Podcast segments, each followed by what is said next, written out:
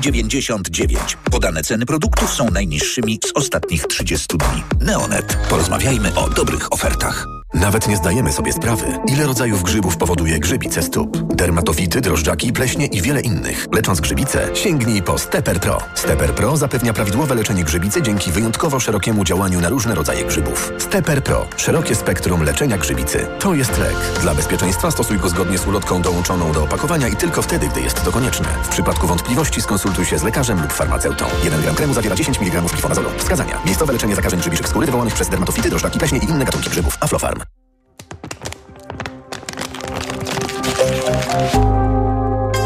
Muzyce każdy dźwięk ma znaczenie. W życiu nawet drobne wybory. Dlatego ograniczam zużycie plastiku, a na zakupach szukam produktów bardziej przyjaznych środowisku. Czujesz klimat? Wejdź do Rossmana i na www.rossman.pl. Wybieraj lepiej dla planety. Artur Rojek, ambasador Czujesz Klimat. Rossmann. Poznaj mega sposoby na oszczędności w Rossmanie. Teraz m.in. antyperspirant w sprayu dla kobiet Rexona za jedyne 9,99. Najniższa cena w okresie 30 dni przed wprowadzeniem obniżki 13,99. Mega Ci się opłaca. W Rossmanie. Reklama. Radio TOK FM. Pierwsze radio informacyjne.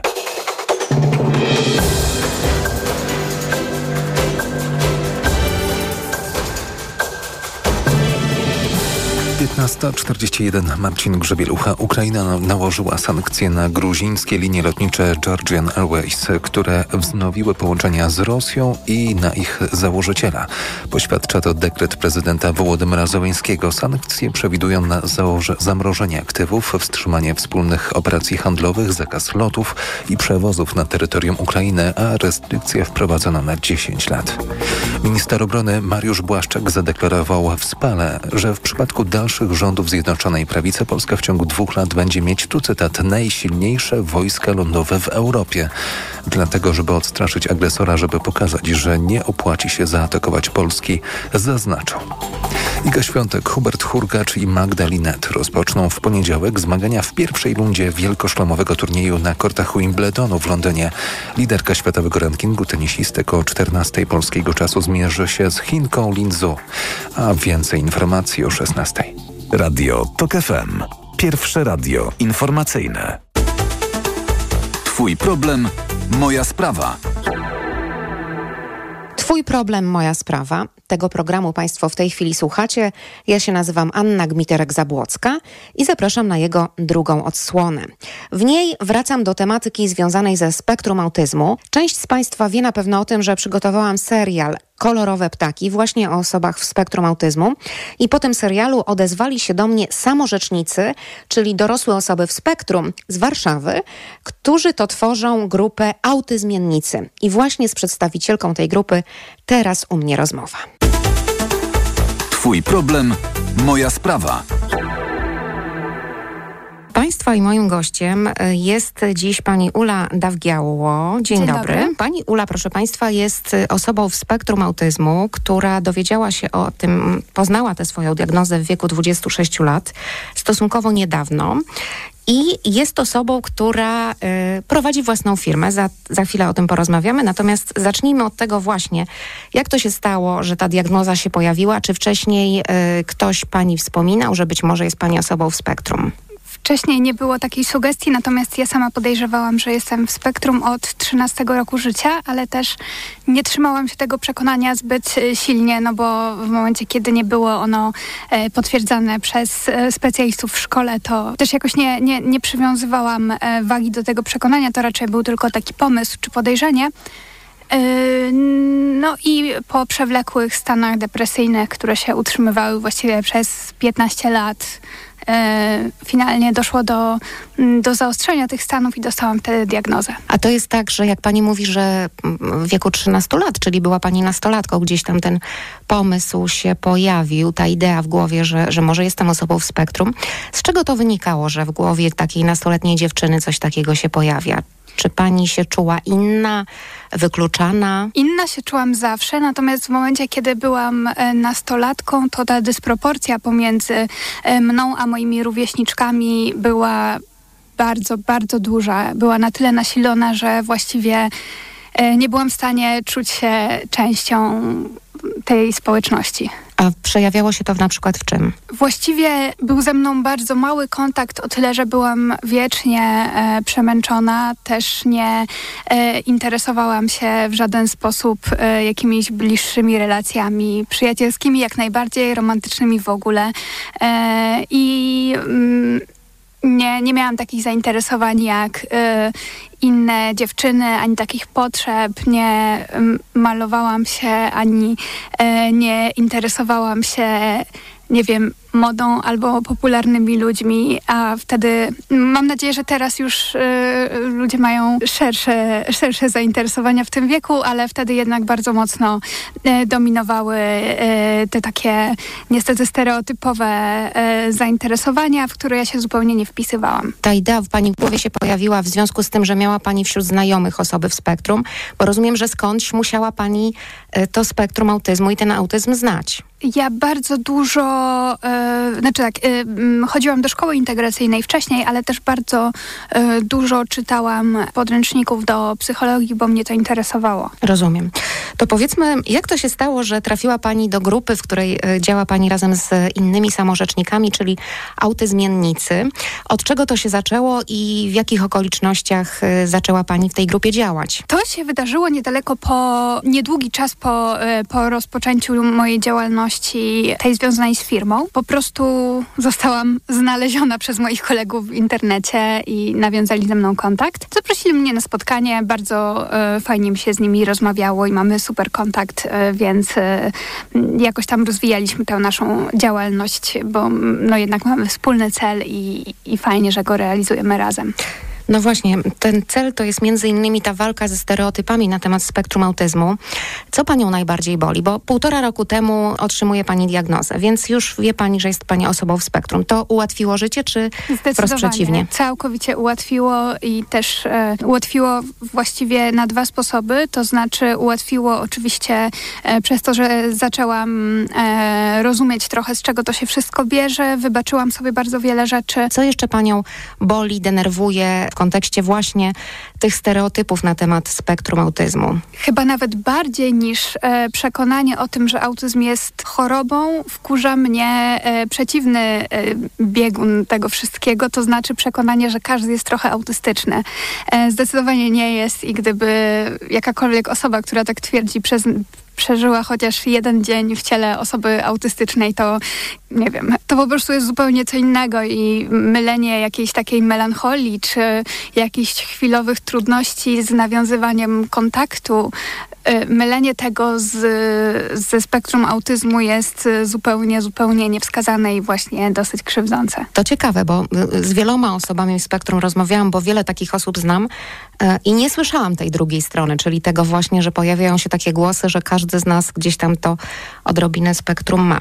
No, Ale chciałam panią zapytać, bo y, słyszę niejednokrotnie od osób właśnie w spektrum autyzmu, czy z zespołem Aspergera, ym, że, czy na przykład z niepełnosprawnością sprzężoną, słyszę niejednokrotnie, że ym, osoby w spektrum, gdyby mogły ustawiać i budować świat, to ten świat byłby lepszy, bo one lepiej widzą, lepiej słyszą, lepiej czują. Jak się pani do tego stosunkuje? Ciężko mi powiedzieć, czy lepiej. Ja widzę wyłącznie ze strony osoby w spektrum, więc y, nie mam pojęcia, jak świat widzą osoby neurotypowe. Y, na pewno byłby byłby inny, dlatego że mamy zupełnie inny układ nerwowy i mamy inne potrzeby i też inne warunki są dla nas sprzyjające, więc to, że ten świat byłby, byłby inny, to na pewno. Natomiast y, to ciężko mi porównywać e, z perspektywy właśnie po pierwsze życia wyłącznie w neurotypowym świecie, po drugie e, odczuwania wyłącznie w sposób e, autystyczny. Pani Ulu, a na przykład jest tak, że pani jest bardzo wrażliwa na bodźce? Tak. Sprawia mi to trudność, zwłaszcza w momencie, kiedy to wszystko się jakoś tak nagromadzi, ale to jest powiedzmy dosyć oczywiste. Przeszkadzają mi powiedzmy głośne dźwięki, ale raczej zróżnicowane dźwięki, bo mogę słuchać bardzo głośno muzyki i mi mi to nie przeszkadza. Natomiast w momencie, kiedy przebywam wśród ludzi i słyszę ich głosy, to mi bardzo, bardzo przeszkadza. Zwłaszcza jeśli to są głosy dziecięce, to już po prostu nie jestem za bardzo w stanie tego wytrzymać. Przeszkadzają mi zapachy. Na przykład czego? Siłowni, ale w ogóle takie zapachy miejsc, w których gromadzą się ludzie. I Ale nie to, że na przykład zapachy w kuchni. O tyle nie zapachy w kuchni, że jestem wegetarianką i za bardzo nie gotuję i żywię się tylko jedną potrawą, ale yy, zapachy mięsa mi bardzo przeszkadzają i to właściwie ze wszystkich miejsc, w których mięso jest przygotowywane, to te zapachy mi przeszkadzają. Stara się pani zrozumieć i wejść w emocje innych, ale mm. pytam o to dlatego, że niejednokrotnie jest też taki trochę stereotyp, właśnie, że osoby w spektrum nie są w stanie rozpoznawać emocji ludzi, którzy są wokół nich. Czyli rozumiem bliskich, znajomych, przyjaciół. Rozpoznawać i odczuwać to są dwie różne rzeczy. I ja, no ja bardzo mocno czuję emocje innych. Mam taką wręcz po prostu hiperwrażliwość i bardzo mocno reaguje i jakoś bardzo mocno na mnie to wywiera wpływ e, właśnie emocje innych ludzi, ale zwłaszcza odkąd dostałam diagnozę, nie analizuję tego aż tak bardzo, bo myślę, że mnie to trochę wyniszcza i wysysa ze mnie energię, którą mogłabym przeznaczyć na co innego. To jakie jest to Pani życie w spektrum od tego półtora roku? Jak bardzo się zmieniło po poznaniu diagnozy właśnie? Całkowicie. Mam zupełnie inne cele w życiu, mam zupełnie inne ambicje. To był ten moment też, w którym się sporo zmieniło w moim życiu. I muszę stwierdzić, że tak naprawdę jestem dużo szczęśliwsza, mimo że tak emocjonalnie dużo szczęśliwsza, mimo że, że wydarzyło się bardzo trudnych rzeczy. Ale jednocześnie jest Pani w grupie samorzeczników, osób również w spektrum autyzmu. To chyba bardzo pomaga, bo niejednokrotnie słyszę właśnie od samorzeczników, że gdy poznają się w tej grupie, czy zaczynają taką grupę tworzyć, to gdzieś tam się pojawia w głowie taka myśl, przecież my jesteśmy tacy sami, ja czuję to, co oni. Tak, e, zdecydowanie coś takiego jest e, i to bardzo mocno wspiera, zwłaszcza, że taki neurotypowy świat y, wielokrotnie wartościuje różne rzeczy, które no, nie powinny y, podlegać wartościowaniu, jak na przykład właśnie relacje międzyludzkie i sposób, w jaki się, w, jaki się w te relacje wchodzi i człowiek myśli, o kurczę, no może naprawdę y, to, co robię nie jest fajne, a potem spotyka się ludzi, którzy myślą dokładnie tak samo i nagle okazuje się, że no, nie dajmy się zwariować przez ten neurotypowy świat. A proszę powiedzieć, jak jest z na przykład z instytucji kultury, bo wiemy, że tutaj też się zmienia, część instytucji jest, dostosowuje się do potrzeb y, osób w spektrum autyzmu, y, jest, są podejmowane działania w ramach tak zwanej dostępności, bo wiemy, że niejednokrotnie takie działania są potrzebne. Czy pani korzysta, nie wiem, czy pani odwiedza muzea, kina, teatry itd., tak itd.? Muzea tak i muzea, w, w, muzeach nigdy nie widziałam problemu. Jeśli chodzi o kina, to zupełnie nie rozumiem pomysłu, żeby oglądać film w kinie, chyba że jest y, trójwymiarowy, ale to byłam na pierwszej części Awatara kiedyś strasznie dawno i na fantastyczne zwierzęta i jak je znaleźć. A tak poza tym to ani nie jestem zainteresowana tematyką filmów, które lecą w kinie, ani nie jestem zachwycona y, warunkami, jakie tam panują, bo mi jest zawsze zimno i to jest chyba... Y, to jest jeden też z moich największych problemów sensorycznych. Mi jest zawsze zimno praktycznie. E, więc kina w ogóle odpadają.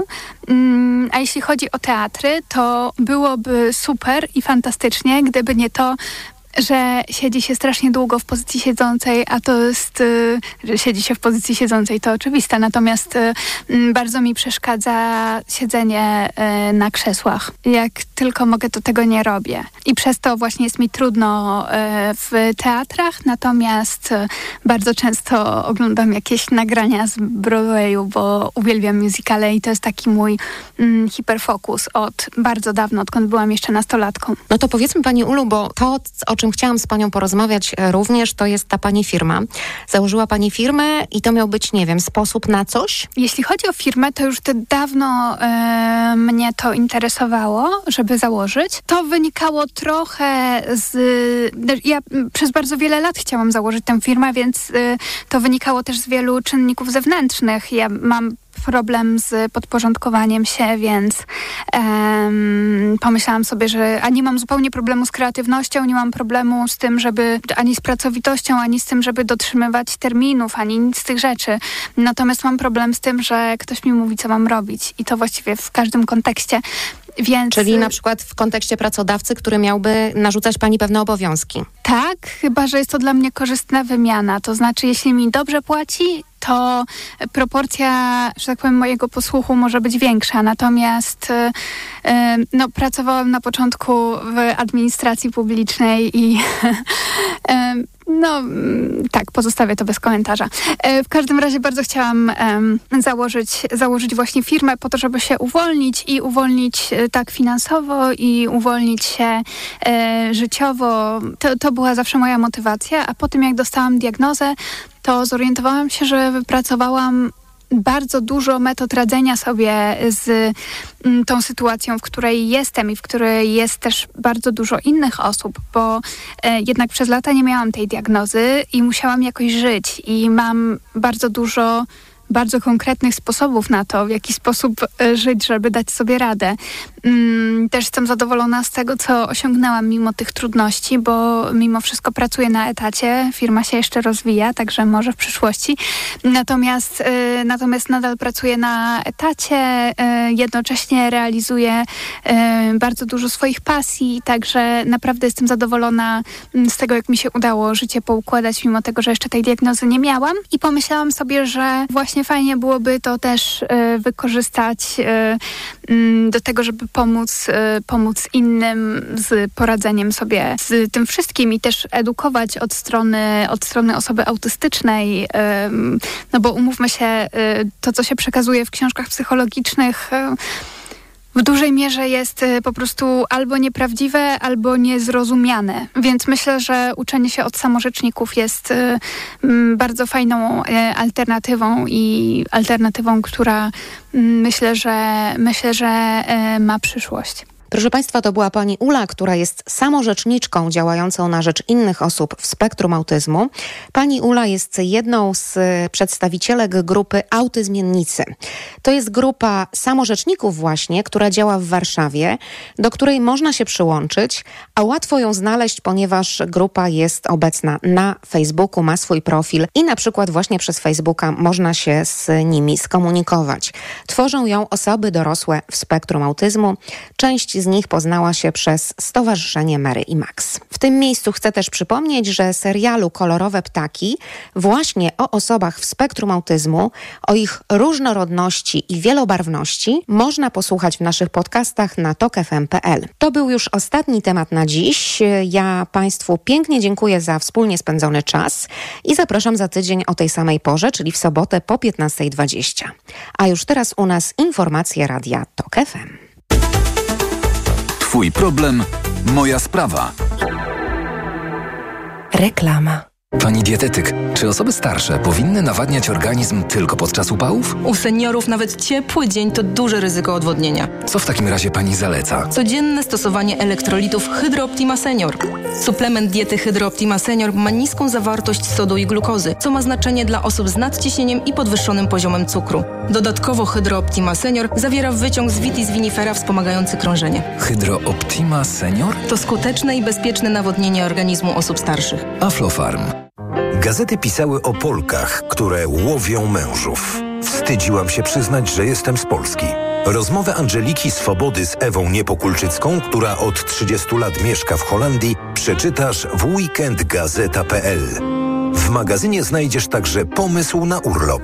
Paulina Dudek odwiedziła Alenteżu w Portugalii, które bywa określane mianem Nowej Toskanii. Weekendgazeta.pl. Odkryj, zrozum, odpocznij. Marzysz o niezapomnianym wypoczynku w otoczeniu przyrody? Pragniesz luksusu i relaksu na najwyższym poziomie? Zapraszamy do Doliny Charlotty. Miejsca dla całej rodziny. Czekają na Ciebie niezliczone atrakcje, między innymi balijskie spa Bali High, zoo, wodne safari, fokarium, dmuchany park rozrywki, kajaki i rowery wodne, wędkowanie i stadnina koni. Zarezerwuj swój wymarzony wypoczynek w Dolinie Charlotty. www.dolinacharlotty.pl o kurcze! Skurcze potrafią pojawić się niespodziewanie podczas aktywności fizycznej, po dużej dawce używek czy w czasie snu. Sięgnij po Neomax Skurcz. Najchętniej wybierany przez Polaków produkt dedykowany osobom zmagającym się ze skurczami. Suplement diety Neomax Skurcz zawiera nie tylko magnez i witaminę B6, ale także potas wspierający prawidłową pracę mięśni. Neomax Skurcz pozwala cieszyć się ruchem i nie myśleć o skurczach. Neomax Skurcz. Więcej niż magnez. Aflofarm. Teraz w Neonet rewelacyjna oferta na lodówki marki Samsung. Sprawdź super niskie ceny na najczęściej wybierane lodówki w Polsce. Jak ponad dwumetrowa grafitowa lodówka Samsung SpaceMax z funkcją szybkiego chłodzenia i zamrażania teraz za 1900